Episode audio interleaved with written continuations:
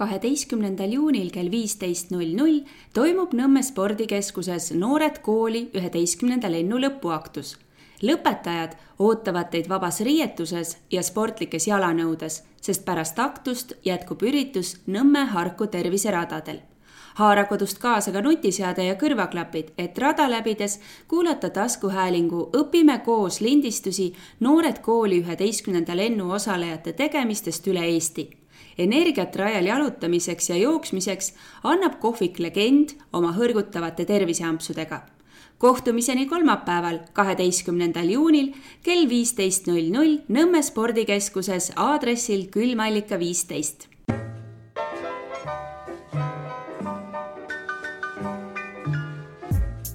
tere, tere, hea kuulaja, algab saade Õpime koos ning sinuga on Karin Tõevere. ja Signe Varendi. Täna on meie külalisteks Egne Resto ja Berit Puidet. tere. tere, tere..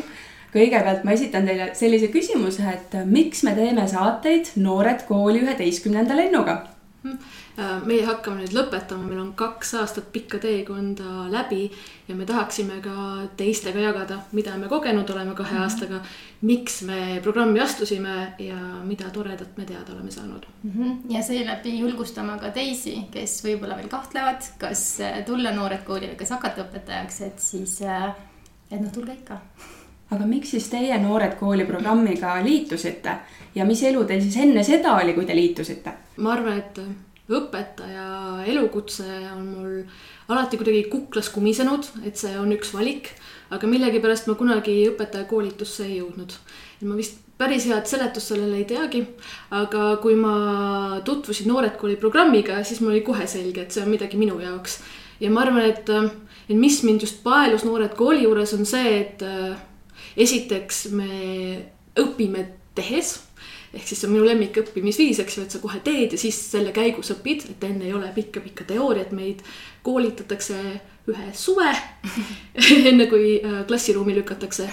isegi, no see ei ole isegi tõsi, seepärast et me juba suvel teeme linnalaagri, eks mm -hmm, lastele et jah, põhimõtteliselt kohe algusest peale me kohe teeme ja selle käigus õpime. ja teine asi, mis mulle väga sümpaatne on selle programmi juures, on see, et Äh, meil on väga suur kogukonnatunne, mida ma kuskil varem nii tugevalt vist ei olegi tundnud. -hmm. mina kahjuks ei saa kinnitada, nii nagu Berit, et äh, minul see õpetajaamet on siin tagaküklas kogu aeg olnud, et minul oli pigem vastupidi. ma tegin küll ülikooli ajal õpetajakoolitust natukene, et, äh, et ma õppisin saksa keele filoloogiks Tartu Ülikoolis, aga, aga praktika käigus ma nagu mõtlesin, et õpetajaamet ei ole see amet, mida ma sooviksin, sest mulle tundus tol hetkel, et mul ei ole nii palju kannatust, et rääkida ühte asja neli korda ja siis ikka keegi või, või mitu õpilast vaatab mulle sellise suht arusaamatu pilguga, et, et ma tundsin, et, et ma ei oleks piisavalt hea õpetaja aga kuna mul endal on ka lapsed ja selleks äh, hetkeks, kui see Noored Kooli minu teadvusesse jõudis, siis minu poeg äh, käis äh, viiendas klassis ja mind hakkas huvitama selle kooli nii-öelda köögipool mm. ehk siis selle viimase tõuke minule andiski minu enda laps. et mulle meeldis Noored Kooli puhul just see, et et nii teooria ja praktika on nagu käsikäes, et, et mul ei ole nii, et ma õpin nii nagu ülikoolis mitu aastat seda teooriat ja siis äh, praktikat saan alles äh, pärast iseseisvalt, et just see oli. ja ma mäletan, et äh, kui meil oli ettevalmistuskoolitus Kiviõlis, siis ma nagu tihtilugu mõtlesin, et just selle kogukonna toetuse mõttes, et, et nii hea oleks mingis situatsioonis nüüd teha see nagu, nagu klõps et kõik jääb seisma, siis ma lähen oma tuutori juurde, küsin, mis ma nüüd edasi pean tegema, et mul on praegu, et tundub black out. et aga, aga et see tugi on nagu olemas, ma tean, et ma nagu teen oma tunni lõpuni ja siis mul on kohe see võimalus küsida ja nõu saada, et, et see on see kindlustunne.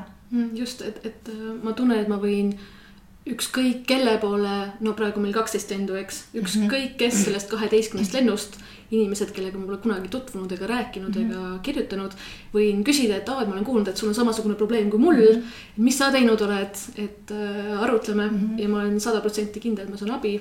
et see on hea. või see kergendus, vaata, et kui sa nagu ei küsigi, aga keegi iseenesest hakkab nagu yeah. rääkima mingist probleemist ja siis sa mõtled, et appi, et ma ei olegi ainus, vaata mm. -hmm. et ma ei olegi ainus kobakat, on teisi veel mm. -hmm.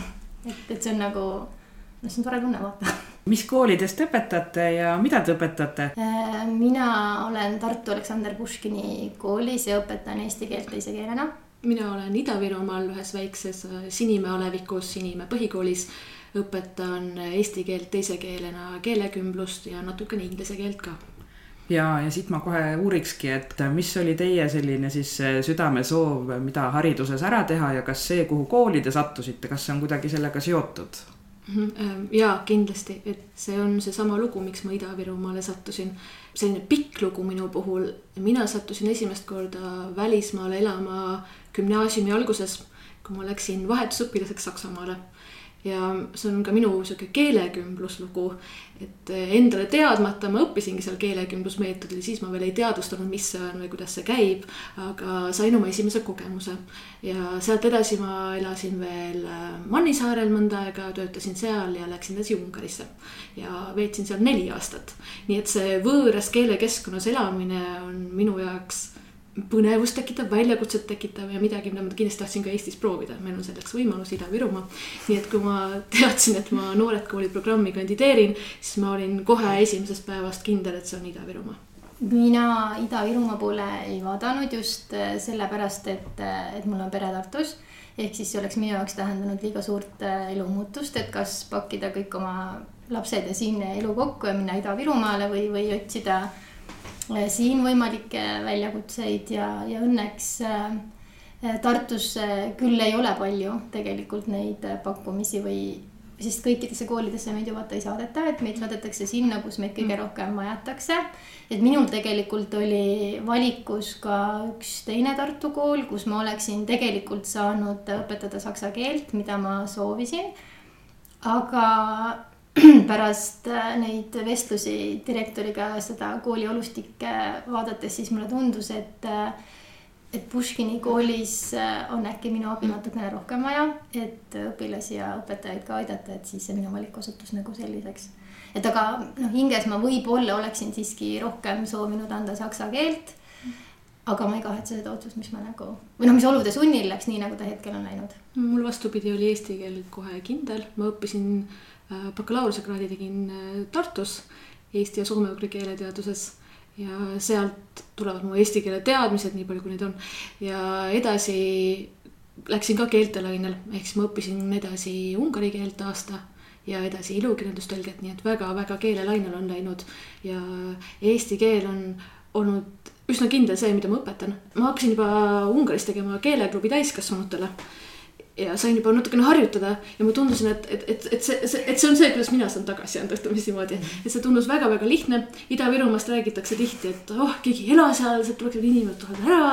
Äh, keegi ei räägi eesti keelt seal ja ma mõtlesin, et, äh, et, et on vaja minu, minul, minus on see valmidus ja, ja proovime, vaatame, kas ma saan hakkama ja väga hästi saab Ida-Virumaal elada, soovitan teistele ka no nii, aga nüüd see väljakutse, et mida te siis Noored Kooli programmi nendele žüriile siis lubasite, et mis muutusi te näete, et peaks toimuma koolielus või, või nagu sa ütlesid, et sa, sinu laps sai selleks tõukeks, et mm -hmm. lõpuks äh, astuda sinna programmi, et ja kas see, mida te lubasite, nii-öelda valimislubadus et kas see pidas ka paika, et kas te tegelikult olete saatne, saanud neid mõtteid ka ellu viia või on toimunud mingid muutused teis endas selle kahe aasta jooksul? Äh, no minu see tõuke oma lapsest nagu oligi või see tõuge nagu tähendaski seda, et mulle tundus, et teda ei kuulata nii palju koolis, kui ma oleksin näiteks lootnud. kuna tema on selles suhtes, et nagu tubli õpilane või, või, või et, et talle tuleb nagu lihtsamini, et ta peab nagu väga palju vaeva nägema. et siis äh, kasutati, kasutati ära nagu natuke liiga ränk öelda, et nagu sooviti, et ta võtaks nagu osa liiga paljudest konkurssidest, ehkki ma nagu nägin kui noh, kuidas see temale nagu mõjus või kui suure pinge see talle pani just selles mõttes, et, et ta ei ole ka selline, et noh, et, et ma lähen ja teen, vaid ongi pigem see, et, et aga mult ju oodatakse seda, seda, seda. ehk siis minu nagu soov oligi nagu pigem see, et kuulata nagu õpilasi ka ja arvestada ka nagu nende soovidega. ja minu jaoks ei ole oluline või, või ei olnud ka tol hetkel oluline, et need, et need teadmised et juba peavad nagu olema, vaid pigem just see, et nad oskaksid ise otsida seda infot, mida neil ei ole, mitte nagu ei ootaks ja et kui neile midagi ette öeldakse, et just see suunamine, et, et ise küsimustele vastuste leidmine, et ähm, minu arvates ma isegi ütlesin, kas ma kirjutasin seal MK mingis ankeedis või ma ütlesin, et, et minu jaoks ei ole rumal see, kes sada küsimust küsib ja see üks tark nendele vastata ei oska, vaid pigem äh, Äh, on rumal see, kes ei julge nagu küsida ja ei otsi neid vastuseid, et, äh, et just see julgus küsida ja julgus ka eksida, et, et see oli nagu see minu mõte, mida ma nagu üritasin või soovisin sinna kooli viia. ja ma ise vähemalt olen üritanud küll oma õpilastele nagu öelda, et, et küsige nii palju, kui, kui te soovite, mul isegi on mul isegi on äh, mingi sildikene seal seina peal, et noh, et, et, et, et tõsta käsi, kui sa millestki aru ei saa või, või palun tõlget või et ja just see, et, et jah, et, et rumal ei ole see, kes nagu küsib, vaid, vaid see, kes ei, ei julge just küsida kas sa oled ka kannatlikum nüüd, et kui, kui sa ennem ei julgenud õpetaja koolitusse astuda, et ei ole kannatust? ja see emaks olemine on ka nagu kasvatanud minus seda kannatlikku olemist, et esimese lapse puhul küll mitte nii palju, teisega olen oluliselt kannatlikum ja siis nende õpilastega, kelle, kellega ma seal koolis olen. et äh, jah, ma olen küll kannatlikum ja kuna ma käisin äh, sügisel ka vaikuseminutite koolitusel, siis ma olen hakanud arvestama seda, et enne kui ma tahan midagi ägedamat välja öelda, siis ma nagu hingan rahulikult sisse. et siis see aju pidi nagu maha rahunema ja vähemalt on hea teada, et, et ta seda teeb. ja ma arvan, et nii mõnigi selline võib-olla käredam sõna, mis nagu vahepeal oleks tulnud, on, on jäänud nagu ütlemata ja no minu puhul on vist kaks asja, mul jäi Egne jutust meelde see vigade tegemine, see on kindlasti üks selle keelekümbluse juures üks asi, mis mind paelub keelekümbluse juures, aga hästi tähtis oli mulle ka külakool, väike kool. meil on alla saja õpilase ja enne kui ma selle kooli kasuks otsustasin, käisin ma kahes suuremas koolis ka. ja minu jaoks üks väljakutsetest oligi alevikus elamine, külas elamine, seda ma ei ole mitte kunagi teinud elus. ja tõesti päris suur väljakutse on olnud. ma elan täpselt kooli kõrval juba kaks aastat, väike kakssada, kakssada, kolmsada inimest ähm, jah, enamus äh, inimesed, keda ma näen tänaval, on mu enda õpilased hästi,. hästi-hästi põnev, et hoopis teine kogemus kui Tartus elada. Äh, ja see oli üks äh, see, mida ma tahtsin, et, et ka maakoolidesse tuleks õpetajaid. et maakoolid ei oleks sellised kohad kes peavad tingimata virelema õpetajate puuduses, sinna tuleks ja meie lennust lausa läksime kahekesti, nii et päris hästi läks. aga miks ma valisin keelekümbluse, see on see teine osa sellest minu missioonist. et ma ennist mainisin ka, et ma sattusin paar korda välismaale elama ja keelekümblusmeetodil ise õppima et, et see andis mulle väga-väga suure siukse eduelamuse ja see oli siis, kui ma Saksamaal elasin ja põikpäiselt ainult inglise keeles suhtlesin ma, ma, ma proovin seda oma klassiruumis ka meeles pidada, et mis see tunne õpilasel võib olla, kui ta ei saa oma emotsioone väljendada, ta ei saa oma mõtteid sada protsenti sulle äh, selgitada. et ma olen seda ise tundnud ja, ja minu lahendus sellele oli see, et olgu, inglise keelt ma valdan, räägime inglise keeles. sain kõik tehtud, väga hea oli olla, sõpru sain, hea oli, aga saksa keel ei arenenud. ja ühel hetkel, ma arvan, see oli päevapealt, ma otsustasin, et olgu, üldse edu, eduelamust ei ole, edusamme ei ole teinud saksa keeles ja äkki lõpetaks inglise keeles rääkimise üldse ära ja nagu ma ütlesin, päevapealt hakkasin ainult saksa keeles rääkima. väga raske oli, higimull oli otsa ees pidevalt, aga juba kuu aja pärast tundsin, et oo, olgu, et ma juba tunnen, et ma saan kõigest rääkida, kõik, kõik, mis vaja, saab ära teha, olgu noh päris filosoofilistel teemadel ei räägi, aga kõik sai tehtud. ja selle kuu ajaga see eduelamus on vist siiamaani minuga jäänud üle kümne aasta tagasi oli see, ikka veel tunnen seda eduelamust ja see on see, mis mind paelub keelekümblusmeetodi juures. et äh, õpilased äh, peavad harjutama keeleoskuse kõrval ka suhtlemisoskust, hirmud kaovad ära, eks on ju natukene nii mm, -hmm. oled sa nõus Jah. et selline suhtlемishirm, keele kasutamise hirm kaob ära, et see on see, mida ma näen oma nooremate keelekümblusõpilaste juures, mida ma nii väga hilises keelekümbluses võib-olla ei märka alati, on see, et nendel õpilastel kaob ju väga-väga vara ära igasugune hirm teha vigu mm, -hmm. äh, rääkida, suhelda võõrkeeles, isegi kui sa oled kindel, et õpetaja ei saa sinust aru, sa ikkagi proovid. ja see on see, mis ma arvan, et kui me saame seda äh, mõtteviisi, seda õpilaste mõtteviisi üle kanda teistesse olukordadesse, teistesse õppeainetesse, teistesse õppimiskogemustesse, siis me saame ühe kamba väga-väga kihvte, aktiivseid, õpihimulisi noori. et ma arvan, et keelekümblusmeetod on, on hea viis seda harjutada. no minul on vähemalt see kogemus, et minul on, eks ju, teine klass, keda ma siis hakkasin õpetama siis, kui nad tulid esimesse klassi ja mul on ka nagu vanemaid, et ma ei ole kui ma Berit juttu kuulsin, et need hirmud ja need kaovad ära, et, et ma ei ole kordagi vist oma äh, teise klassi õpilaste käest, kellega mina ju suhtlen ainult eesti keeles. vot ma ei ole kordagi nende suust kuulnud mingit ülesannet tehes või et ah, see on nii raske mm.. et noh, ma ei ole nagu kuulnud, et seda teeksid, aga ma, ma arvan, et ma ühe korra igal päeval vanemate õpilaste suust kuulen mingit ülesannet tehes, et ah, see on nii raske ja siis ta paneb selle nagu kõrvale, et mm, -hmm. et ah et ma ei tee, see nõuab liiga suurt pingutust, et, et võib-olla just see, et kui sa nagu viskad ta kohe alguses sinna noh, vette nii-öelda. et siis ta nagu oskab sealt välja tulla või, või ta vähemalt üritab sealt välja tulla, mitte nagu ei löö käega. ja kui ma hästi paljudelt vanematelt olen kuulnud sellist äh, just vanemate hirmu, et ah, et laps ei jõua aineteadmistes nii kaugele mm, kui ta oma emakeeles mhm. jõuaks. siis minul alati on kuklas see mõte, aga meil on ju palju parem või palju tähtsamaid oskusi, mida võiks arendada. aineteadmised on loomulikult tähtsad, aga see, et laps julgeb õppida, tahab õppida, julgeb küsimusi küsida ka siis, kui ta mitte midagi aru ei saa. et see on mhm. üks väga-väga tähtis asi, mida ma tunnen, et oleks Eesti koolides ka rohkem vaja, eks ma arvan, et keelekümblusmeetod on hea selle jaoks aga võib-olla räägimegi natuke lähemalt sellest keelekümblusmeetodist, et sa juba natuke siin tõid välja, mis on nagu hästi tähtsad äh, osad. et äh, kas on veel midagi, mida, mida me võiks teada, et vot see on nüüd see meetod, kuidas seda keelekümblust siis teha või on mhm. lihtsalt, et õpetaja ei räägi laste emakeeles ja kõik ja ongi, see ongi keelekümblus no.? ei seal on ka hästi palju seda näitlikustamist, eks ju, et nagu pildid ja, ja see just, et, et sa nagu paned õpilast ise ka suhtlema ka omavahel, et dialoogi tegema, et. ja, ja mängud, vaata, et mina, mina teen ka teise klassiga eriti igasuguseid neid keelemänge, et, et annan talle kätte küsimused eesti keeles, et see nagu tekitab temas kindlustunde, et ta ei pea ise nii palju mõtlema. ja siis paarilisele on nagu vastuse lause algus olemas, aga lõppu ta vist peab ise mõtlema, on ju, et. et ta ei pea nagu kõike ise välja mõtlema, vaid see ongi see kindlus, et, et noh, midagi mul on ees ja siis nagu tuleb, et sa nagu annad talle selle õnge, aga sa kala nagu igal korral otsa ei anna, on ju, et.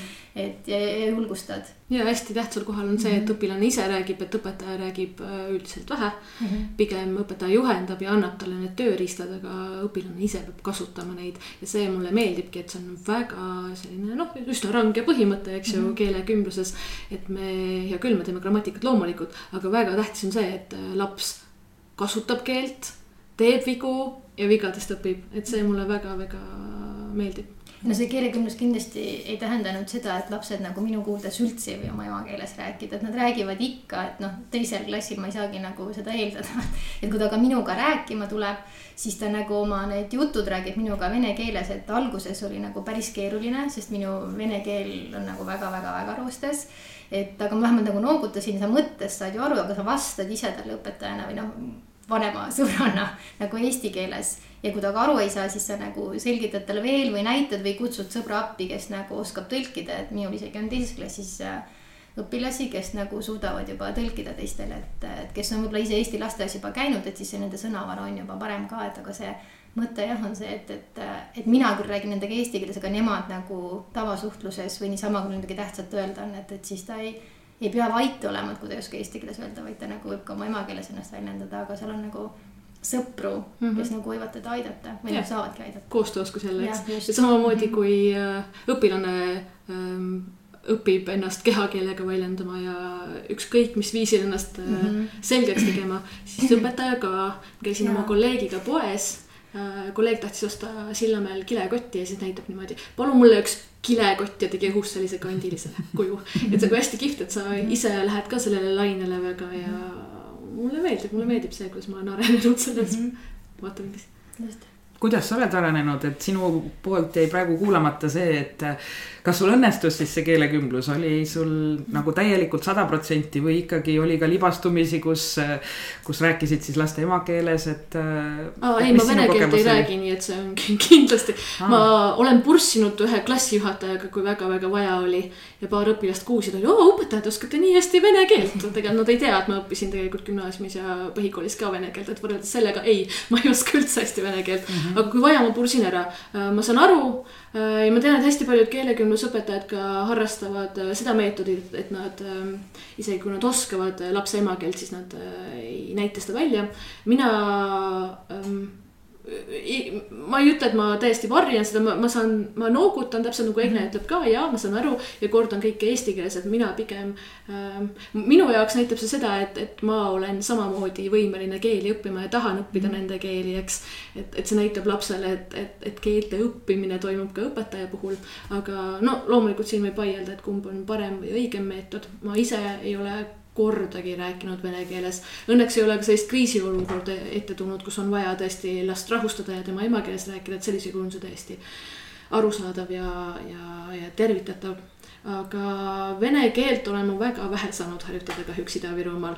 ma arvasin ka, et jah, kolime sinna, kohe saab harjutama hakkama, hakata.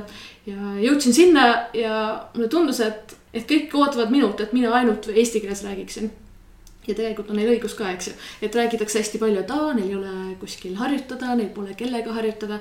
et ma näen, et äh, kui ma koolis räägiksin äh, venekeelsete õpil-, õpetajatega ainult äh, vene keeles, siis kaoks natukene mõte võib-olla ära sellel, miks ma seal tegelikult olen. et ähm, võib-olla siis nüüd kolmandal aastal keskendun vene keelele ka, aga seni jah, olen mina olnud see keelekandja, kellega eesti keeles saab suhelda ja hakkasin tegema ka lapsevanematele äh, keeleklubi.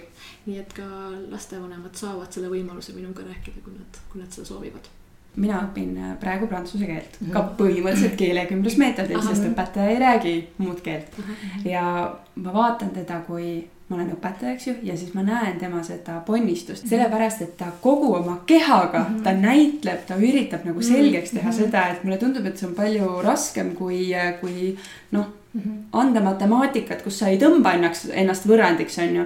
et, et see on nagu selline näitaja, näitleja mhm. meisterlikkus tuleb seal nagu meeletult esile. Mhm. aga mitte, ma ei küsi näitamise kohta, ma mhm. küsin, et te olete muud tööd ka enne teinud, kui te kooli läksite.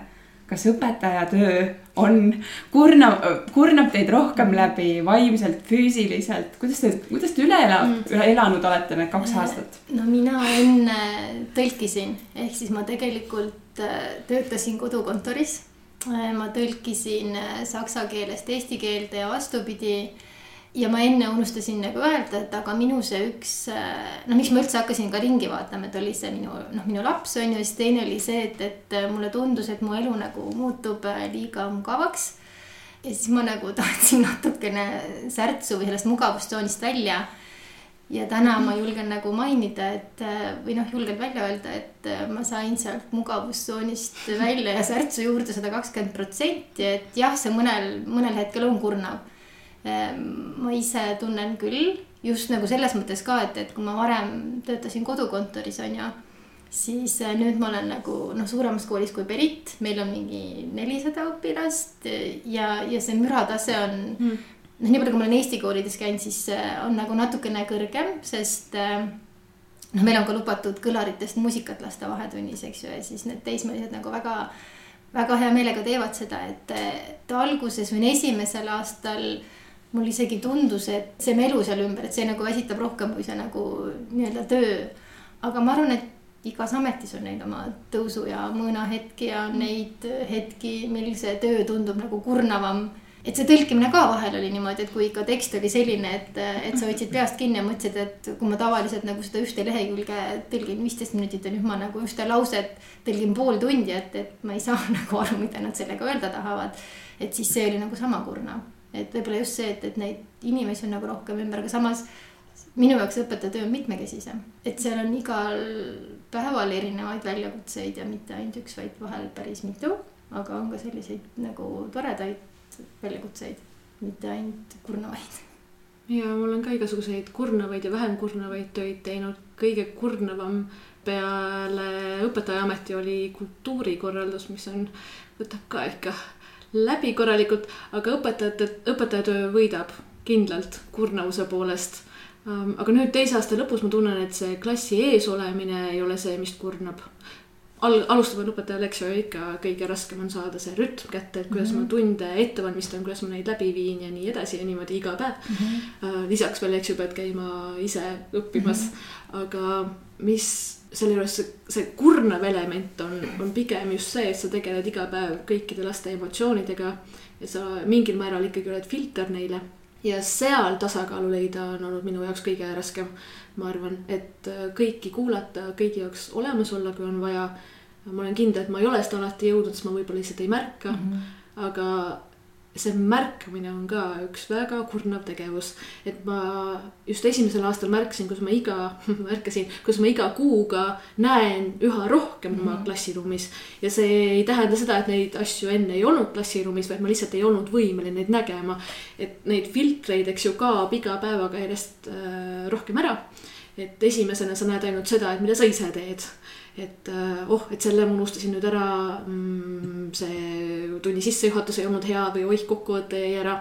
aga siis sa hakkad märkama juba õpilasi, et kuidas nemad õpivad. Äh, näed äh, mitte ainult konflikte, vaid näed, kust need konfliktid tulevad ja see esimesed pool aastat oli küll see, mis kurnas kõige rohkem, ma arvan. et see, et sa näed nii palju ja sa ei jõua kõike läbi töödelda oma peas, ma arvan. et mm, -hmm. et selle poolest ma arvan küll on õpetaja töö kurnav, aga jälle seal tuleb leida rutiin, eks ju, et kui mm -hmm. sa oled juba kogenud õpetaja, ma arvan, et sa näed hoopis teistmoodi asju, loodame kas te olete klassijuhatajad? ei. mina olen viiele õpilasele, mul on väikene äh, külakool ja mul on kaks pluss kolm õpilast, kaks üheksandas ja kolm kaheksandas. ja väga hea, et ma sain kohe sellised äh, suuremad, eks ju, põhikooli kolmanda kooliastme õpilased, kes juba on äh, enamus neist siuksed ennastjuhtivad õppijad ja, ja väga aktiivsed ja tahavad teadmistehimulised, et see on olnud üks ägedamaid kogemusi, soovitan Egnele ka kas see oli su teadlik valik? Äh, see tuli olude sunnil, ähm, et oli vaja klassijuhatajat ruttu ja see on mul esimene aasta, eelmisel aastal ma ei olnud klassijuhataja. ja üldiselt vist ei soovitata ka mm. alustavale õpetajale, eks ju, klassijuhataja tööd ei ole mõistlik, et see tõesti, see on äh, suur töö ja mina viie õpilasega juba tunnen, et, et, et ma olen oma öö, töömahu saavutanud, et ma vist rohkem ei jõuakski. aga, aga väga hea kogemus, mulle meeldib öö, see, kuidas nad öö, otsivad tuge kuidas me koos leiame lahendusi, et ma ei tea, kas see oleks võimalik, kui mul oleks kolmkümmend õpilast, ma ei oska öelda, et minu ainukene klassijuhataja kogemus ongi viie õpilasega aga need on, need ei ole sul ju venekeelsed õpilased? Need on ja eestikeelsed, meie -hmm. koolis on ka väikene eesti -hmm. osakond ja need on eestikeelsed õpilased, kus me jõuame selle nii-öelda siukse probleemsema koha juurde keelekümblusprogrammi juures. et, ähm, et kas üldse olekski võimalik olla mul klassijuhataja mm -hmm. keelekümblusprogrammis. Ähm, ma peaksin kindlasti oskama vene keelt, et mm -hmm. lapsevanematega suhelda. ja, ja tuleb ka ju lastega ette mm -hmm. kriitilisemaid olukordi, kus sa pead temaga tema emakeeles rääkima ja olema sada protsenti mhm. kindel, et ta saab aru. ja. ehk siis sellepärast mina ei ole klassijuhataja. ja just ja, ja see ka et äh, hästi palju meil, äh, me programmis, Noored Kooli programmis keskendume sellele, et äh, kuidas luua turvaline klassi mm, -hmm. klassikeskkond, eks mm. -hmm. kuidas sidet luua õpilastega ja siis meil EGNE-ga on küll olnud mitu korda probleem, et või noh, küsimus mm, -hmm. et kuidas me kõige paremini selle side, selle side loome nende õpilastega, kui me ei räägi nende keelt mm. -hmm. et sa võid olla, eks, noh, sa peadki olema sõbralik mm, -hmm. see aitab kindlasti. Äh, aga mina tunnen küll, et nad, et see võtab palju-palju aega mm, -hmm. enne kui nad sind sada protsenti usaldavad, sest nad ei saa sulle kõiki asju rääkida, lihtsalt nii on mm. -hmm. ja sealt ma tunnen, et tuleb äh, see küsimus, et kas on võimalik olla mul üldse keelekümblusprogrammis klassijuhataja mm. -hmm aga mis see keelekümblusprogramm siis ikkagi on või kuidas see keeleõpe toimub, et äh, kui ma nüüd kuulsin, Egne ausalt öeldes ma üllatusin, et oh, ma ei olegi klassijuhataja, ma kujutasin mm -hmm. ette, et kui keelekümblusklassis teine klass, et noh, et õpetaja ongi seal klassis ja ta terve päev on lapsed tema ümber ja muudkui vadistate mm -hmm. eesti keeles. aga minu see teine klass ei ole keelekümblusklass et nendel on oma klassijuhataja ja teised ained ongi neil vene keeles ja mina annan eesti keelt neile nagu võõrkeelena okay.. et, et aga meil on koolis muidu on küll, on eelmisest aastast ka üks esimene klass, kes on kohe varajane keelekümblus ehk siis esimesest klassist. ja seal on küll õpetaja, kes siis annab neile kõiki aineid eesti keeles.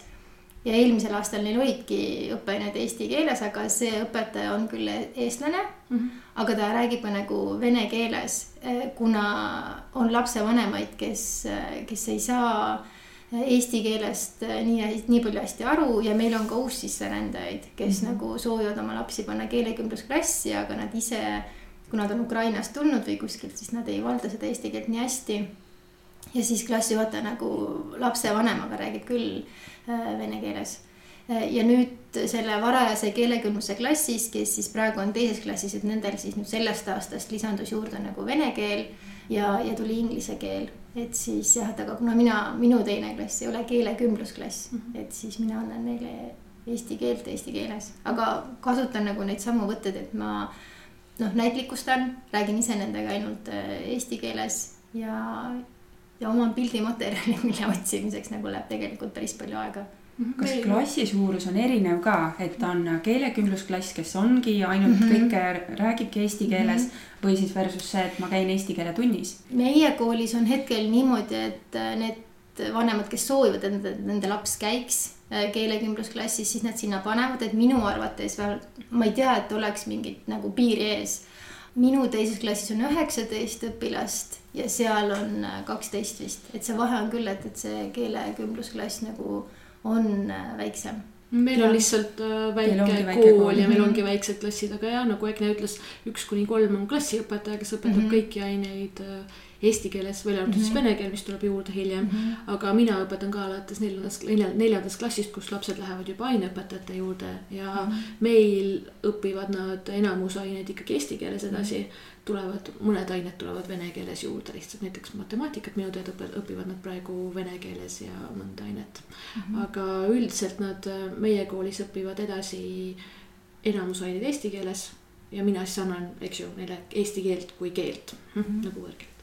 Aga see hiline keelekümblus, mis siis meie koolis nagu vare, varem on alanud kuuendast klassist, sel aastal oli ta viiendast siis on niimoodi, et, et nendel ei ole kõik ained eesti keeles, vaid on teatud ained eesti keeles, siis lisaks eesti keelele. minu arvates on see ajalugu, loodusõpetus ja oskusained ehk siis kunstiõpetus ja mm, -hmm. ja, ja laulavad ka eesti keeles. aga varasemalt kuus eelnevat aastat või viis aastat nad ei ole üldse eesti keelega kokku puutunud siis, nad on käinud venekeelses? Nad on, ei eesti keel ikkagi on jah, mhm, just okay., jah Mhm. Et, meie võtame see... vastu kõik õpilased igasuguste taustadega mm, -hmm. ehk siis meil on üle jah, just põhikooli kolmas aste on meil väga-väga mm -hmm. kirju pilt, et õpetajana äh, väikeses koolis tuleb arvestada sellega, et sa oskad liitklasse õpetada ja just keeleõpetajal on see aktuaalne teema, sest et keeleõpe ma arvan, natukene erineb matemaatikaõppest selle poolest, et äh, keelt saab laps õppida telekast, äh, vanematega, sõpradega, tänaval, poes. kui tal on see võimalus. kui tal on see võimalus, jah, loomulikult. aga sealt tulebki see, et kõikidel lastel on väga-väga erinev kogemus, et mm -hmm. me võime minna õppekavaga edasi nii nagu meil paigas on mm, -hmm. aga mis, mis tasemel see laps tegelikult on, on mm -hmm. väga teine küsimus. ja sellega on olnud küll tükk tegu harjuda, et mul on klassis väga suur mm -hmm. selline pilt mm -hmm. ja. ja seda meil on ka hilises keelekümbluses just sellepärast, et see, kas sinu laps nüüd läheb õppima nagu keelekümblust edasi, kui ta on varasemalt, nad kõik on olnud ju tavaklassides selles suhtes või ta siis nagu läheb nii edasi, et tal on ained nagu vene keeles, aga siis eesti keel on. et seda otsustavad ju tegelikult vanemad, et kui mina nüüd soovin, et minu laps nagu läheb keelekümblusklassi, siis äh, ma ei tea, kas üldse on võimalik öelda, et no öelda on, aga, aga kui suur jõud sellel sõnal on, et kui keeleõpetaja näiteks ütleb, et, et aga ta noh, võiks veel natuke harjutada, enne kui ta sinna keelekümblusklassi läheb, et ja, ja noh, see loobki selle pildi, et, et seal on ka väga erineva taustaga õpilasi, et need, kes nagu käivad eesti lastega koos trennis või suhtlevad väljaspool mm. kooli eestlastega, et nende see keeletase on ikkagi oluliselt kõrgem kui nendel, kes seda keelt saavad ainult koolis et see paneb ka keerulisse seisu ja aeg-ajalt. jah, ja sellepärast ma tunnengi, et, et mul tekib küsimus, et kas keelekümblusprogramm on võimalik ainult nii, et me ainult koolis õpime mm. -hmm. mina arvan, et ei ole. Ma arvan, et sellel ei ole mõtet ka, et kui me ähm, lapse jaoks ka eristame ära, et see on kool, siin sa räägid eesti keeles ja, ja see on su päris elu, kus sa räägid ainult vene keeles, siis ma arvan, et sellel ei ole mõtet. mina ikkagi arvan, et keelt me õpime praktiseerides ja koolis loomulikult, eks sa praktiseerid ju tunnis nii keeletunnis kui matemaatikatunnis. aga see päris suhtlemine omaealistega, see on mhm. hoopis midagi muud. ja kui sul on kool, kus on ikkagi enamuses on venekeelsed lapsed, siis vahetunnised räägivad vene keeles ja see mhm. ongi loomulik ja normaalne. aga sellepärast ongi vaja, eks ju, leida talle võib-olla mingi trenn, kus ta mhm. saab omaealistega eesti keeles rääkida mis Ida-Virumaal ilmselt on natukene keerulisem aga.... jah, Tartus neid võimalusi on, aga mulle tundub, et paljud ei kasuta neid võimalusi mm. aktiivselt, et ja kui mul on valida, et kas ma siis valin selle eestikeelse keskkonna või venekeelse, et siis noh, siis ma valin nagu natuke rohkem selle venekeelse, et aga on ka nagu teistsuguseid variante, et kes otsivad oma lastele võimalusi, et, äh, et kus tal on võimalik eesti keeles rääkida, et panevad isegi keelelaagritesse, mis on nagu võimalik ja, ja, ja see vahe on tuntav, et, et see on nagu, see on väga tuntav, et, et kas laps on viibinud eestikeelses keskkonnas ka pärast nagu kooli seinte vahelt väljumist või, või siis ei mm. -hmm. et õpetajatele me natukene saame aidata, näiteks on selline tore programm nagu noortekohtumised mm, -hmm. mille abil me saame otsida neile omaealisi lapsi, kellega nad saavad väljaspool kooliaega suhelda ja, ja uusi kontakte väljaspool oma piirkonda leida, et see on väga-väga tänuväärne projekt olen ise ka proovinud oma õpilastega ja väga-väga tänulik selle üle. aga siin ei annaks nagu selles mõttes kuidagi Eesti laste, Eesti koolidega koostööd teha, sest äh, nii palju, kui me oleme ju, noh, me oleme ise õpetajad, lapsevanemad mm -hmm. samamoodi, et ega see vene keel eesti lastele mm -hmm. ei ole ju samamoodi kerge õppida mm. -hmm. praktiseerida pole ka kusagil, et äkki peakski mingeid selliseid ühendavaid asju tegema, et, et win-win olukord oleks ju kõigile, sest vene keel, kui alustame sellega hilja nagu Eesti koolides tihtipeale kuuendas klassis, sest inglise keel hakkab varem, eks ju, et noh, öeldaksegi, et juba on liiga hilja, et me peaks tooma selle vene keele õppekava tegelikult sinna teise, kolmandasse klassi mm. võib-olla inglise keelega üldse hiljem alustada, sest see ruum on nagunii ümber, eks ju, mm. lastel. et kas te näete, et selline kokkupuude, sellised sõprusklassid, asjad, projektid oleks üldse võimalik, reaalne, kui te nüüd koolis töötate? ma arvan, et oleks, ma tea, ma ei tea, kuidas see nüüd tööle läheb, aga meie kooli lähedal on ju Raatuse kool ja seal äh, on ka vist, kas teiseks võõrkeeleks on, on vene keel ilmselt mingi, on saksa keel ka. seal on see esimene, esimene keel on saksa keel ja siis mm -hmm. mingi valikkeel on nagu vene keel, ma ei tea, ma ei tea, kas see on valikkeel või siis mingi mm -hmm. B-keel. aga meil käivad mingid äh, mingid kõnelused, et nagu teha selliseid vahetustunde, ehk siis sealt nagu tullakse meie kooli mingisse tundi, mis on nagu vene keeles ja siis meie õpilased läheksid nagu sinna tundi, mis toimuks eesti keeles. aga seda nii palju, kui ma nüüd olen kõrvalt kuulnud, eh, rakendatakse pigem hetkel esimeses kooliastmes mm. -hmm. või noh, hakatakse rakendama, kui see nüüd nagu koostööni läheb, et, et on küll nendel lähedal asuvate koolide vahel selline nagu vahetus võimalik. ma usun, et on. kui on nagu võimalik vahetusõpilasi saata ju välismaale, eks ju mm, -hmm. et, et see noh väga suure tahtmise juures oleks see nagu väga võimalik ja ma arvan, et see tuleks nagu väga kasuks ka. et ka noortekohtumiste käigus me oleme leidnud äh, koole, kellega on mitu korda tehtud projekte ja noored jäävad suhtlema. et see oli minu jaoks selline küsimuse koht, et, et kas nad päriselt ka suhtlevad. olen küsinud ja jah, tõepoolest sotsiaalmeedias isegi suheldakse, et see on väga-väga hea uudis samamoodi, mida ma projekti käigus nägin, mis mulle väga suurt rõõmu pakkus, on see, et Eesti noored päriselt proovisid vene keeles rääkida. mis on alati Eesti noorte puhul selline kahtlane koht, et ja ma tean, et minu keelekümblusõpilased ikkagi nad noh, õpivad koolis ka eesti keeles. teavad, et nad peavad, et see on mingi Eesti noor, ta ei räägi vene keelt, et mina pean vastu tulema, aga see, et Eesti noored, eks ju, tulevad poolele teele vastu, et see on ilus. ja mis teine võimalus on, on see Veni Vidi Vici programm, millega saab ka minna teise Eesti kooli ja seda me plaanime ka nüüd ära kasutada järgmisel aastal kindlasti. aga samas see on nii naljakas vaata, et, et Eesti koolides äh, on ju valikained, et sa võid valida kas vene keele või saksa keele ja minu meelest viimastel aastatel äh, see saksa keel hakkab suht hääbuma ja Eesti õpilased valivad tegelikult nagu vene keele, et ma küll ei tea, mis nagu eesmärkidel, mu enda laps kusjuures valis ka, ehkki ma ütlesin talle, et noh, et, et et saksa keeles ma saaksin sind oluliselt rohkem aidata, et, et kui vene keeles.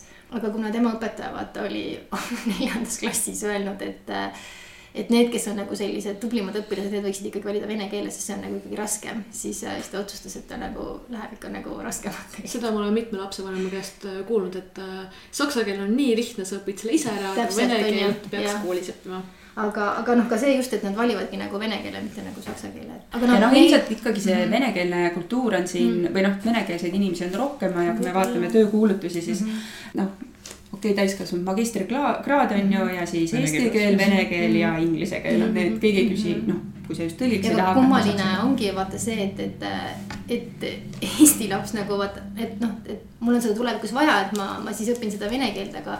aga vene õpilast sa ei pane nagu lihtsalt ainult selle lausega, et sul on ju tegelikult eesti keelt vaja mm, -hmm. et noh, see ei motiveeri teda, et sa pead teda nagu, nagu rohkem motiveerima. vähemalt Tartus, ma ei tea, Ida-Virumaal on võib-olla nagu teistmoodi Mm, et, et mina, mina nagu selle, selle motiveerimisega, noh, see lause, et jah, see on päheõpitud lause, noh, ma pean mm -hmm. õppima seepärast, et ma elan Eestis mm, on -hmm. ju, aga ma ei näe selle lause taga seda, et ta tegelikult ka saab seda aru mm -hmm. jah, et, et see on lihtsalt päheõpitud lause.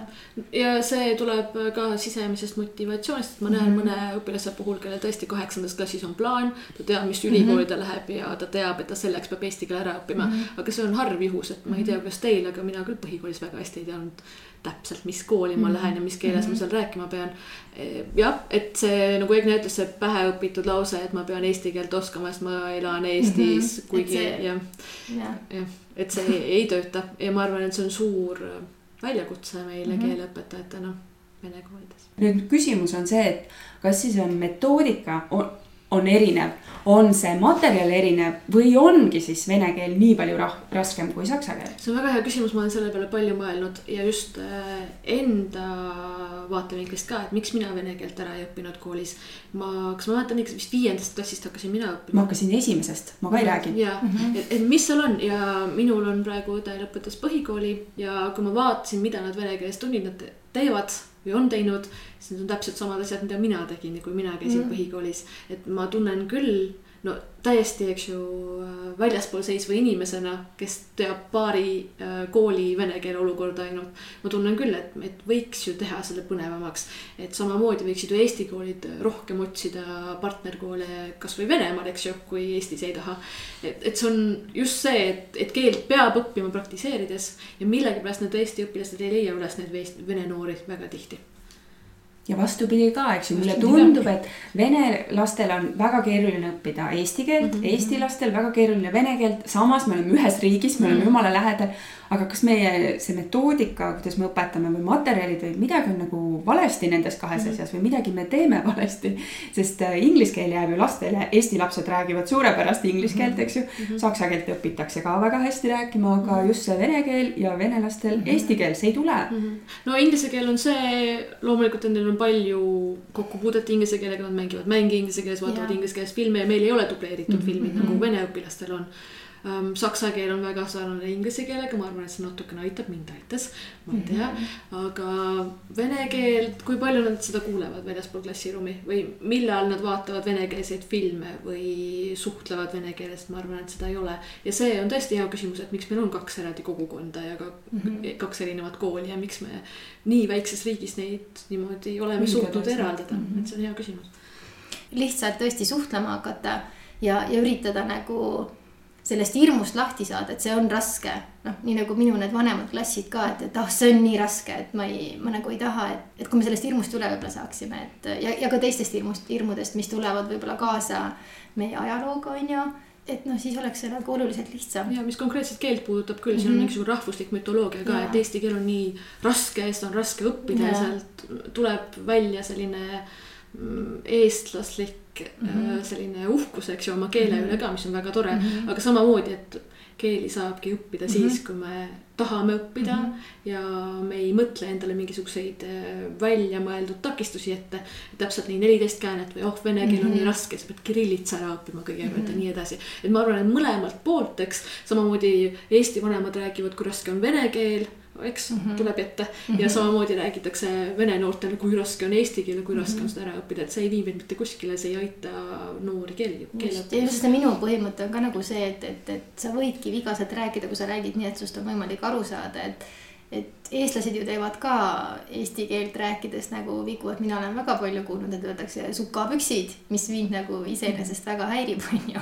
aga aga noh, sa ei peagi oskama kõike neljateist käänet, et, et rääkida, kui palju me ise nagu igapäevaselt seda neljateist käänet kasutame, ei kasuta ju. et ta on nagu põhikäänded, mis on selged, kui sa tahad nagu korrektselt rääkida, aga samas, mida mina nagu oma tundides üritan ka öelda, et noh, et, et mul on nagu, et kui ma just ei hinda konkreetselt või ei pea hindama seda grammatika osa, kui ma tahan, et sa nagu räägid, siis äh,, siis ole hea, räägi. Ja mis minule nagu meeldib, mis mina seal või noh, eelmisel aastal, mis mind häiris, et meil oli nagu eesti keele suhtlustund ja ma pidin selles nagu hindeid panema mis oli minu jaoks nagu väga-väga vale. et minu jaoks tähendas see ju seda, et ma pean nagu julgustama teda rääkima. aga kuidas see õpilane nagu julgeb rääkida, kui ta teab, et kõik see, mis ta suust nagu välja laseb, et, et ta saab sellest mingi hinnangu või hinde. sel aastal õnneks seda enam ei ole, et ma noh, üritasin või tuletasin neile meelde, et oluliselt lihtsam on rääkida, kui ma tean, et, et minu igat sõna ei hinnata näiteks, et. et võib-olla need hinded on üks asi, mis nagu mis ei lase mul rääkida nii, nagu ma soovin või mis mulle mm. nagu annab selle tagasiside, et see on raske, et ma küll püüan, aga näed, ma sain jälle mingi kolme, aga tegelikult ma tahtsin viit saada mm. -hmm. ma ei tea. kas on ka asi selles, et kas me ikkagi keskendume grammatika õpetamisele just, või suhtlemisõpetamisele? Meetod mm -hmm. siis, et see keelekümblus justkui olekski Just. nagu see lahendus ju mm, -hmm. et kus sa peadki suhtlema, et -hmm. keskendume sellele sõnavarale mm -hmm. ja mhm. siis see grammatika on see teisejärguline mm, -hmm. et sa mhm. omandad selle grammatika siis suhtlemise käigus mm. -hmm. et no see tuleb ka nagu iseenesest, eks ju, et noh, nii nagu Berit ütles, tema on hästi palju erinevates keelekeskkondades nagu viibinud, et mina olen ka õppinud ja elanud nagu Saksamaal ja Rootsis, et noh, see tuleb iseenesest, sest mingil hetkel sa hakkad ise juba huvi ju tundma, et aga, aga kuidas, no nüüd ma nagu juba räägin saan suheldud, aga et, aga siis tekib see nagu soov, et ma tahaksin ka nagu õigesti juba rääkida mm. -hmm. mina arvan ka, et see tuleb nagu. ma arvan, see on väga hea idee vene eesti õpilasi vene keeles keelekümbluse meetodil õpetada, et see oleks päris hea. mis puudutab vene metoodikat, siis kas mitte täiskasvanutel ei ole juba mingisugune programm Ivan või midagi sellist, kus äh, vene keelt õpitaksegi äh, suhtluspõhiselt. sellised hästi mängulised ülesanded, ma ise ei ole saanud minna, see on Tallinnas, ma olen väga tahtnud minna. aga see kursus näitab, et see on, eks, et selle peale mõeldakse mm, -hmm. midagi võiks muutuda ja võiks ma... tulla ka põhikooli. võiks tulla ka põhikooli, täpselt mm. -hmm. ja aga samas tegelikult on, minu laps õpib ju seitsmendas klassis ja, ja temal on vene keel. ja õpetaja on rahvuselt venelanna ja ta räägib nendega nagu vene keeles, sest mina no, pean kodus just vastupidi kuulma mm, -hmm. et ta räägib ainult vene keeles ja miks ta minuga eesti keeles ei räägi ja vot siin ongi see hea võib-olla, miks, miks ma nüüd olen seda kooli nagu köögi poolt ka näinud, et siis ma nagu ütlengi. et aga ta ongi võõrkeele õpetaja ja ta peabki sinuga rääkima võõrkeeles, et mina ju oma koolis oma õpilastega mm. räägin ju ka ainult eesti keeles, ehkki nemad kodus ju suhtlevad hoopis teises keeles. et see võrdlus, ma saan nagu oma lapsele ka öelda, et, et see ei ole alati kõik vale, mis õpetaja teeb kuidas see lastevanemate hoiak üldse on, et äh, kas nad usaldavad Eh, õpetajad nüüd, et mm -hmm. nii panin oma lapse sinna ja nüüd tahan saada sellist äh, super soravat eesti keele oskajat mm. -hmm. või nad on ikkagi kahtlevad ja teevad, eks ju, võib-olla mm -hmm. ütlevad, et on küll jah, Nõmme õpetaja, miks ta sulle ei seleta, see on ikka väga mm -hmm. oluline, et ta peaks ikka vene keeles sulle ka natuke seletama.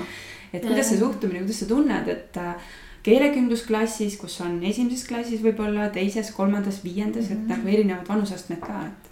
no mina üritan lastevanematega küll mitte silmas, noh, mitte et ma ei ürita, vaid ma ei ole nagu väga koht, kohtunud nendega silmast silma, aga ma olen nagu hästi palju kirjutanud. ma küll ei ole väga palju vastuseid saanud oma kirjadele, eh, mis tähendab seda, et, et ma ei tea, kas nad neid loevad või loevad või ei julge. küll, mis mulle nagu väga suurt rõõmu valmistab, on see, et, et, et on küll vanemaid, kes kirjutavad, kahjuks nad alati alustavad, et ma väga vabandan, et mu eesti keel ei ole nagu väga hea aga, aga mulle meeldib see, et nad nagu ikkagi kirjutavad mulle eesti keeles, et nad ei hakka nagu kohe automaatselt vene keeles kirjutama, ma ei ole nagu vaenulikku suhtumist tundnud. korra on küll käinud üks lapsevanem äh, äh, minuga rääkimas, lapsevanemad on rohkem käinud rääkimas, aga korra oli see, kus äh, kus ta tuli alguses isa sellise nagu tõrksa olekuga, et tuligi niimoodi, et noh, et, et, et kas see nüüd siis on ikkagi ainuõige valik, et te nagu räägite nendega ainult eesti keeles ja et see on ju raske, et ta ei saa aru aga seal oli mul nagu jälle, siis ta veel ütles ka seda, et, et see vist on nagu ainuke kool, kus niimoodi nagu tehakse. ja siis mul oli nagu väga hea meel, et mul oli tuua nagu näide Eesti koolist, sest tema hoiak oli nagu see, et, et nagu, et nüüd nagu venelastele tehakse jälle liiga ja mul oli nagu väga hea meel, et ma sain tuua näite Eesti koolist ehk siis oma lapse näite. et ja ütlesingi, et noh, et, et see ei ole kindlasti ainuke kool, kus niimoodi tehakse, et minu laps käib Eesti koolis ja õpib vene keelt ja tema õpetaja ei räägi temaga ka eesti keeles ja siis ma nagu nägin, kuidas tal nagu, ma ei tea, kas mingi koorem või, või nagu, nagu langes see nägu, muutus see näoilme kohe ja siis ta ütles ahah ja et. et aga kuidas ta siis nagu hakkama saab ja siis oligi variant, et aga, aga teist varianti ei ole, et saab ju küll ja siis me nagu saime vabamas õhkkonnas rääkima hakata, et, et ma saan aru nende hirmudest ja hoiakutest, aga kui nad nagu näevad, et nemad ei ole ainukesed, kellega nagu niimoodi käitutakse, et et me tegelikult oleme kõik inimesed, on ju, ja ei soovi mina tema lapsele halba, ma saan aru, et tema ju ka ei soovi, et, et me ju kõik, meie eesmärk on ju see, et, et, et need lapsed areneksid mm. -hmm ja mina küll sealt negatiivset kriitikat keelekümblusprogrammi kohta ei ole üldse saanud. et et äh, meie lapsevanemad, ma olen aru saanud, saavad aru, et nad tulevad äh, keelekümbluskooli ja meil on ka teised ained eesti keeles. ja see ei ole kunagi probleem olnud, et ma midagi vene keelde ei tõlgi. Äh, on olnud õpilasi, kes on öelnud just need õpilased, kes tulevad meile, ütleme seitsmendas, kaheksandas klassis. ja sa näed, et see on nende jaoks väga vaevaline protsess ja õpilase käest olen ma küll seda kriitikat saanud, et mul on nüüd vaja vene keeles ja sellisel juhul olen ma viidanud äh, teisele õpetajale, kes on emakeelne vene keele kandja. et seal ma tunnen küll, et, äh, et pigem on õpilastele vaja rohkem selgitada, kui nad tulevad hiljem, kui nad ei ole esimesest klassist äh, alates keelekümblusprogrammis õppinud. vanematega mul seda kogemust ei ole kui kiiresti need lapsed tegelikult sellise elementaarse suhtlustasandi kätte saavad, kui nad keelekümblusklassis on? mulle tundub, et, äh, et see on natukene klassikomplektis kinni mm, -hmm. aga praegu mul on üks väga tugev neljas klass, mina üks kuni kolm ei õpeta, nagu ma ütlesin mm. -hmm. et nemad on tõesti nii tugevad, et ma tunnen, et, et ma saan nendega kõigest rääkida mm. -hmm. keegi neljateistkümnest lapsest, need on natuke vähem, ikka aru saab, ikka tõlgib ja nendega ei ole mul mingisuguseid probleeme mm. -hmm. Lähme klassi edasi, seal ma juba tunnen, et, et, et noh et mingisugune õpiraskuste teema on võib-olla juba, et seal on hoopis teistsugust äh, tuge vaja. ja seal jõuamegi selle teema juurde, et, et kui head tugivõrgustikku on vaja keelekümblusõpilasele. et tegelikult ja ma räägin siin väikse külakooli õpetajana, sina veidi suurema linnakooli õpetajana, aga meil mõlemal ja meil mõlemal on äh, samasugune probleem, et ei ole väga palju äh, tugipersonali koolis mm. -hmm. et meie koolis, eks ju, peaks olema ideaalselt kakskeelne vene ja eesti emakeelega spetsialist, aga neid ei leia ükskeelseidki mm. -hmm. et see on see küsimus, et keelekümblusprogramm, ma arvan, on piisavalt intensiivne lapse jaoks äh, psüühiliselt. ja seal oleks vaja palju-palju tuge ja tugipersonali, aga seda kahjuks on vähe kõikides koolides no mina julgen öelda seda, et minu teine klass, kes küll ei ole keelekümblusklass küll mitte nagu sellises arutelus tõenäoliselt, eks ju, veel kaasa lüüa ei oskaks, aga sellistel lihtsamatel teemadel ja, ja küsimustele, mis nagu puudutavad peret ja, ja käegakatsutavaid asju, et nad põhimõtteliselt, ma arvan, saaksid kõik hakkama mm., sellepärast et me alustame ka tundi niimoodi, et ma igal tunnil küsin, noh, mitte nüüd Äh, otseselt sõnavaraga küsimustega, et noh, mis päev on täna ja mis päev oli eile, et igaüks saaks midagi nagu öelda, et. et ma olen nagu harjutanud seda noh, nii-öelda dialoogi vormi, küll mina olen küsija ja nemad vastajad, aga vahel ma lasen neil omavahel ka küsida. et nemad juba nagu saavad hakkama, et neil on see julgus olemas mm. -hmm. ja oluliselt rohkem kui minu kaheksas klass ehk mm -hmm. siis äh,. ma tunnen samamoodi. keeletase juba nagu see on nagu hoopis teine. jah, minu teine klass, kes ei ole keelekümblusklass ma arvan, et saaks nagu lihtsama suhtlusega paremini hakkama kui minu kaheksas klass hetkel, kes ka noh, ei ole keelekümblusega, kes nagu koolis on oluliselt kauem, eks ju, käinud, et, et see on nagu nii erinev. kas vanemad klassid, kas nad alustasid kuidagi teisiti? just sealt, sealt tuleb minu põhiline probleem, et kui ma kiidan hästi palju keelekümbluse programmi ja see kindlasti ei ole ainuke viis, kuidas võõrkeeli õppida. lihtsalt see on viis, mis mulle kõige rohkem sümpaatne tundub ja ma näen, et see töötab. ja töötab just juhul, kui laps tuleb kooli ja üks kuni kolm, ta on harjunud, see on tema jaoks rutiin ja ta ei karda. et kõik need -hmm. keele kasutamise hirmud kaovad ära, sest et väga raske on õpilasele, kes tulebki seitsmendasse klassi.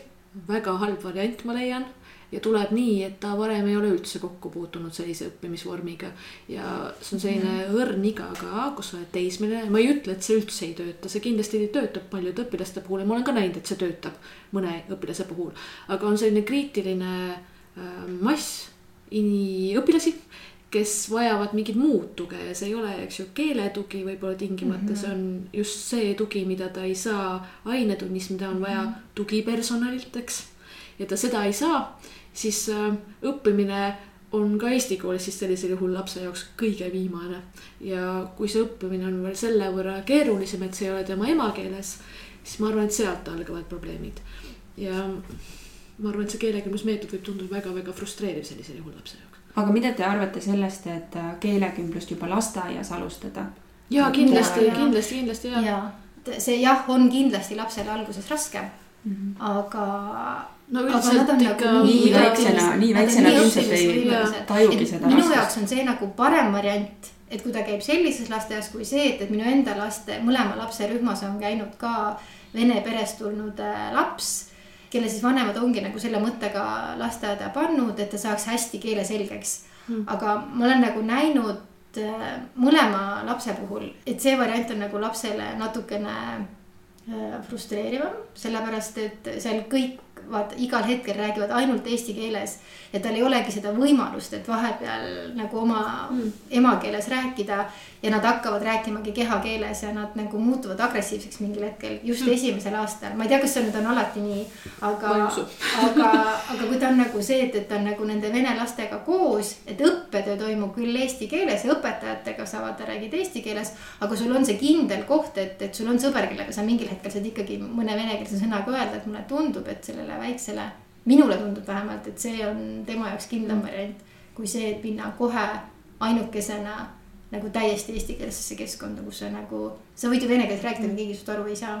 mis puudutab lasteaedades eesti keele õpet, siis mina arvan küll, et mida varem, seda parem mm. -hmm. aga samas ma täiesti austan neid lapsevanemaid, kes tahavad, et nad emakeeles, eks ju mm -hmm., õpiksid. ja samamoodi, et nad koolis õpiksid emakeeles. ma arvan, et see oleks võib-olla Eesti õhkkonnal, üldisel õhkkonnal natukene parem, kui me kõik valdaksime sama, kui me kõik elaksime samas keeleruumis kindlasti.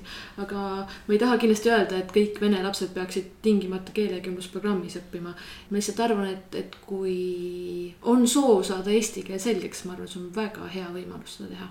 ja just, mida varem, seda parem, on ju väga ilusaid, toredaid keelekümbluslasteaedasid. ja ma arvan, meil endal on nagu lihtsam kas äh, koolid ja õpetajad on valmis selleks, et äh, tuleb laps keelekümbluslasteaiast, tuleb laps, mhm. kes on võib-olla üks vanem on eestlane, teine venelane või noh, mõne ukrainlane, mis iganes. ja tuleb laps, kelle vanemad räägivadki ainult vene keelt kodus ja tal ongi see koolikeskkond on ainult eesti keel, et kas see kool on valmis toime tulema. Te ennem ütlesite ka, et see ampluaa on nii lai, on ju, et teete te mingeid teste, kas te suudate kohandada kõike seda, et sellele lapsele nüüd äh, selline materjal ja tähelepanu nii, nii, nii, nii, nii. no nagu ma ütlesin, et meil on väike külakool ja ma olen kõigeks valmis alati. juba esimesest päevast saati, kui ma õpetaja olin, ma sattusin klassiruumi, kus mul ongi hästi palju erinevaid lapsi. ja ma ei õpeta, eks ju, matemaatikat. ma pean andma lapsele täpselt seda, mida tal vaja on ja see on suur töö ma ei eita seda kindlasti mitte, aga ma isiklikult tunnen, et me oleme valmis, aga see on natukene mõtteviisis kinni ka. et kindlasti on hästi palju äh, kollektiive, kus on vaja koolitust kus on vaja sellist äh, ühist süsteemi. Ähm, ma arvan, et kõik koolid kindlasti lõikaksid sellest hästi palju kasu, aga ma arvan, et see natukene on kinni õpetaja enda motivatsioonis ka. et me tegelikult ju õpetame liitklasse, kõik me, enamus meist õpetavad ju tegelikult liitklasse, et see formaalsus seal taga, kas nad kõik on kaheksandas klassis või mitte, on ju, ei ole oluline. on oluline see, et me ju õppekava järgselt ka anname talle seda, et mida tal vaja on, me ei saa minna kümnendale trepiastmele, kui laps on alles esimesel trepiastmel. ja nii ongi, ma arvan, et see on natukene meie en-, meis endas ja meie mõtteviisis kinni et oh, oleme nüüd kaheksandas klassis, kõik peavad õppima sama programmi järgi, aga see ei tööta, nagunii ei tööta, ükskõik mis aines ei tööta.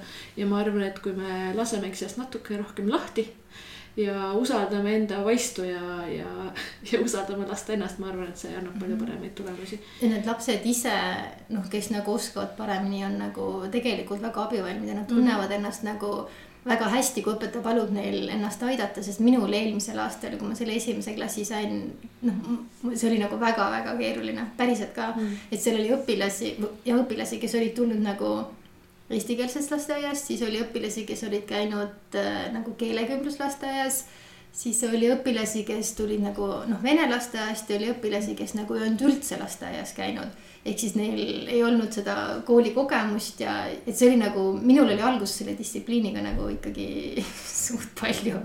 Et jah, ja need vaatasidki otsa, et ma ei saa aru, mis sa õpetaja räägid ja, ja siis ma nagu palusingi või nad iseenesest olid nagu valmis need, kes siis eestikeelsest lasteaiast tulid või kelle see keel nagu paremini suus oli nad nagu ise hakkasid ka aitama, kui mina veel julgustasin ka, et ole hea, et nagu ütle kõigile mm et mis, mis nad nagu praegu tegema peavad või mida see nagu tähendab, et, et nad tulid nagu väga hästi kaasa. noh, minul vähemalt oli seoses kaasava haridusega oli ka tegelikult äh, kolm haridusliku erivajadusega õpilase klassis.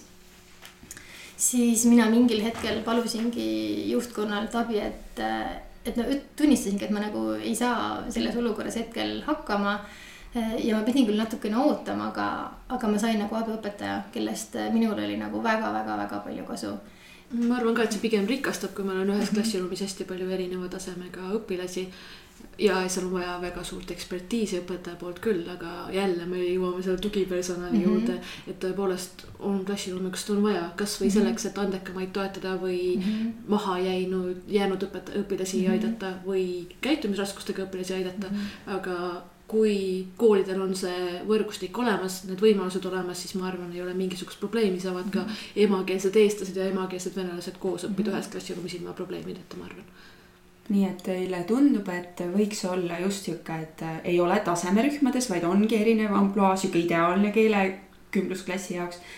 On, sain ma õigesti aru? no mina räägin jälle väikse kooli vaatevinklist, et meil, ma arvan, see on täiesti võimalik, meil on vähe õpilasi klassiruumis väga vähe, mu väik-, kõige väiksem klassiruum on korraga viis õpilast, kõige suurem on neliteist, täiesti hallatav ja mõnus, seal ei ole probleeme. jälle, kui me räägime suurest koolist, ma ei kujuta ette, kas ma saaksin sama väita, kui mul oleks kolmkümmend õpilast, ilmselt mitte. no kolmekümmend minul ka ei ole. Mm, -hmm. õnneks mulle meeldib, Berit, see, et äh, sa ennem rääkisid sellest, et äh, lapsevanematele teed ka sellist keeleõpet, et. et sa oled ise mugavustsoonist välja tulnud, ma saan aru, et see on su enda algatus, on ju. ja need lapsevanemad on tulnud oma mugavustsoonist mm -hmm. välja. Nad näitavad oma lastele ju eeskuju -hmm. eks ju, et, et kuidas see kogemus sul nagu, mida see, on see nagu selline väärt kogemus, mida jagada, et palun, Puškini gümnaasium, tehke ka lastevanematele selline asi, et, et see on väärt asi. kuidas sulle tundub äh,?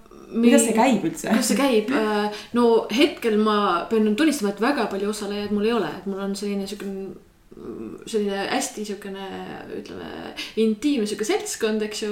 hästi vähe inimesi, me saame kõik hästi palju rääkida. mulle väga meeldib ja ma arvan, et mis need sinna meel-, meelitas, ongi siuksed keelemängud. ma rõhutasin algusest peale, et me teeme hästi palju läbi mängude suhtlemist ja see neile väga-väga meeldis ja mina kindlasti jätkan järgmisel aastal ka sellega, et ma soovitan väga-väga-väga ja see kindlasti aitab seda kogukonna kooli tunnet luua. et õpi-, õpilased on samamoodi oodatud kui lapsevanemad, eks ju, lapsevanemad on kooli oodatud, me ootame neid ja me aitame neid ka.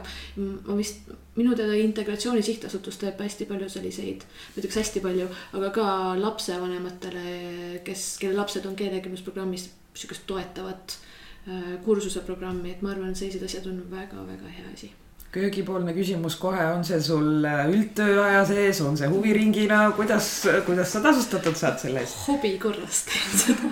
ma arvan, et, et see on ka minu, minus endas kinni, et kindlasti ma saaksin rahastuse, kui ma seda otsin. aga mina alustasin seda eksperimendina nüüd talvel.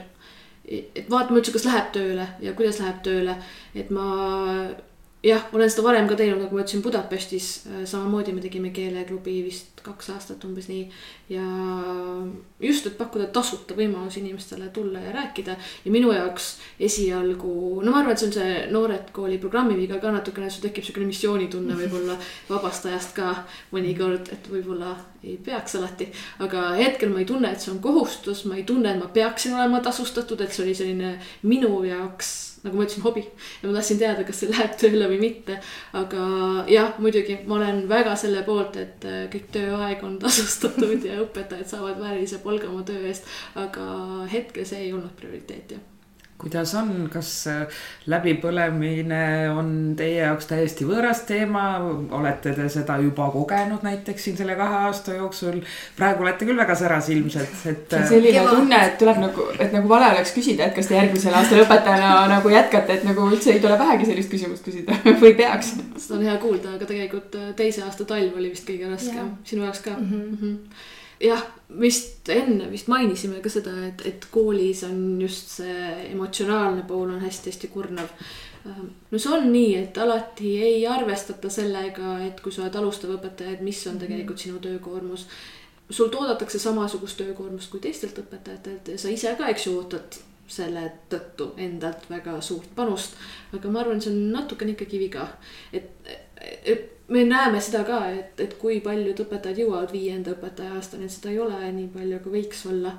et koolidel on suur roll, samas jälle ma saan ju aru loomulikult kooli juhtkonnast, kui tunnid peavad ära toimuma, keegi peab nad ära tegema, see on arusaadav, eks aga, aga see on probleem kindlasti, et meil ei ole ju pikas perspektiivis see hea, kui lõpuks viie aasta pärast oleme siis ilma õpetajata mm. -hmm. et see on niisugune valus teema, ma arvan mm. -hmm. et, et kas, kas me valime selle lühiajalise lahenduse, et olgu, tunnid toimuvad ära või on see pikaajaline lahendus, et õpetaja tunneb turvaliselt ja ta ei ole läbi põlenud ja mhm. ta saab vaikselt areneda sinna, kus ta peaks olema viiendaks aastaks.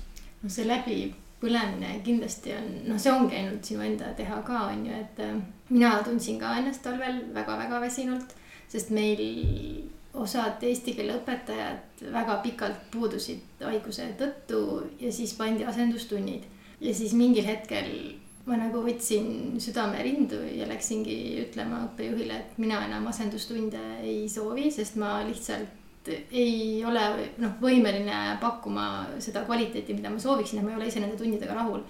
ja mul võeti nagu seda kuulda, mille üle mul on nagu hea meel. ehkki ma olen kuulnud ka õpetajaid ütlemas, et pannakse nii palju tunde ja üldse nagu ei arvestata, aga ma olen nagu enam kui rohkem kindel, et nad ei ole välja öelnud päriselt seda, mida nad nagu tunnevad. et ma, ma, ma ei tea, mille taha see nagu jääb, et kas nad ei julge või, või, või nad ei tule selle peale, et, et nad tegelikult võivad äh, seista oma õiguste eest natukene onju, mitte sellepärast, et, et ma tahan jonnida, et ma ei tee seda, vaid lihtsalt põhjendus ongi see, et ma ei suuda pakkuda seda kvaliteeti, millega ma ise nagu rahul olen, sest äh, noh, noh tegelikult nagu ei jõua. ja see on olnud äh, üks, üks tähtsamaid kogemusi, see enda vajaduste mm -hmm. seismine õpetajana et hea, et see teisel aastal juhtus meiega, eks mm, -hmm. et me õppisime selle ära mm, -hmm. aga edaspidi ma tunnen küll, et ma tean, kus mm -hmm. minu mhm. piir on ja kust ma edasi ei ole nõus minema mm. -hmm. et see oli väärtuslik kogemus, aga ja see tuli noh mm -hmm., ikka siukse väga suure kurnatuse hinnaga. et minu motivatsioon, miks ma vastu võtsin need lisatunnid, oli see, et ma tundsin ka, et eks, et keegi peab need ära tegema mm -hmm. loomulikult, eks see teine on siis ilmselt mina mm, -hmm. kui mulle pakuti aga jah, tuleb murdumishetk ühel hetkel, et kõigil on oma piir ja ma arvan, et üks heaks õpetajaks arenemise protsess ongi see, et sa saad aru, kus sinu konkreetne piir on. ja mõni aeg tagasi otsustasin ära ka, et, et ma ei jää kahe aasta õpetajaks, et ma jään pikemaks ajaks õpetajaks ja siis tuligi küsimus, et, et millal ma siis läbi põlen, et kuidas seda takistada. et kui ma tahan viis aastat koolis olla, siis mida ma selle jaoks tegema pean, et see on olnud ka selline rännak minu jaoks, siukene vaimne rännak mina olen nagu enne ka öelnud, et, et talvel ma just ütlesin, et äh, mina otsustan kevadel on see kevad kätte jõudnud, onju. ma arvan, et, et ma nagu jätkan, aga ma jätkan oma selle teise klassi pärast kõige rohkem, et ma tunnen nende eest nagu meeletut vastutust. et kuna ma nad võtsin esimeses klassis ja kuna ma nagu ise olen kõvasti seal välja öelnud, et mulle tundub, et osade lastega ei ole piisavalt sellist tööd või tuge neile pakutud, kui nad on vajanud. no siis ma, ma ei tea, kas see on jälle missioon või mis iganes, aga ma tahan nagu näha, et, et kui ma nagu päriselt olen seal kohal ja, ja üritan neid aidata parimal võimalikul moel, et, et ka see tulemus on natukene teine. mis ei tähenda seda, et ma selle esimese klassiga nüüd kaheteistkümnenda või seal oligi kaksteist klassi, üheksandani välja lasen, et seda ma nagu ei usu, ma arvan, et ähm, mingil hetkel see kustumine tekib või ma vajan mingit vaheldust tõenäoliselt kindlasti mingit vaheaastat või kahte on ju. aga, aga ma arvan, et ma jätkan ja ma vähemalt direktorile, kui ta meiega rääkimas käis, no siis ma nagu ütlesin, et kui need tingimused enam-vähem samaks jäävad, mis praegu on, ehk siis mu töökoormus ei tõuse ja ma väga soovin, et mu reeded jääksid vabaks, nii nagu nad praegu on NK ajal on ju, mis vähemalt tol hetkel direktor väitis, et see on nagu tehtav, et, et siis, siis ma nagu jään, sest ma tunnen, et ma nüüd viimasel ajal ei ole väga tõlkimisega saanud tegeleda, et, et ma tahaksin vahelduse mõttes nagu seda ka teha ja siis see reede nagu oleks nagu väga ideaalne variant selle jaoks. ja mina tunnen ka, et tahaks tõlkida ja midagi muud teha ka ja ma tunnen, et, et meil on väga vaja selliseid õpetajaid, kes ütlevadki, et mul on õpetaja elu ja mul on ka muud mm. professionaalsed väljakutsed ja, ja muu elu. et ma arvan, et see ei ole halb, et sa saad olla professionaalne õpetaja, ma arvan, see pigem toetab sind, kui sa ka mujal ennast proovile paned, kasvõi ma ei tea, ettevõtluses või, või teed loodust turismi, ükskõik mida või tõlgid. -hmm. et see kõik, ma arvan, ainult arendab sind inimese ja õpetajana. mulle tundub, et äh, Noored Kooli ikka tõesti oskab jumala õigeid inimesi valida, et äh, aitäh, Berit ja Egne, et te meiega oma mõtteid jagasite. et äh, loodame siis kümne aasta pärast kolleegidena siis jälle kohtuda ja me ei põle läbi ja kümne aasta pärast kohtume.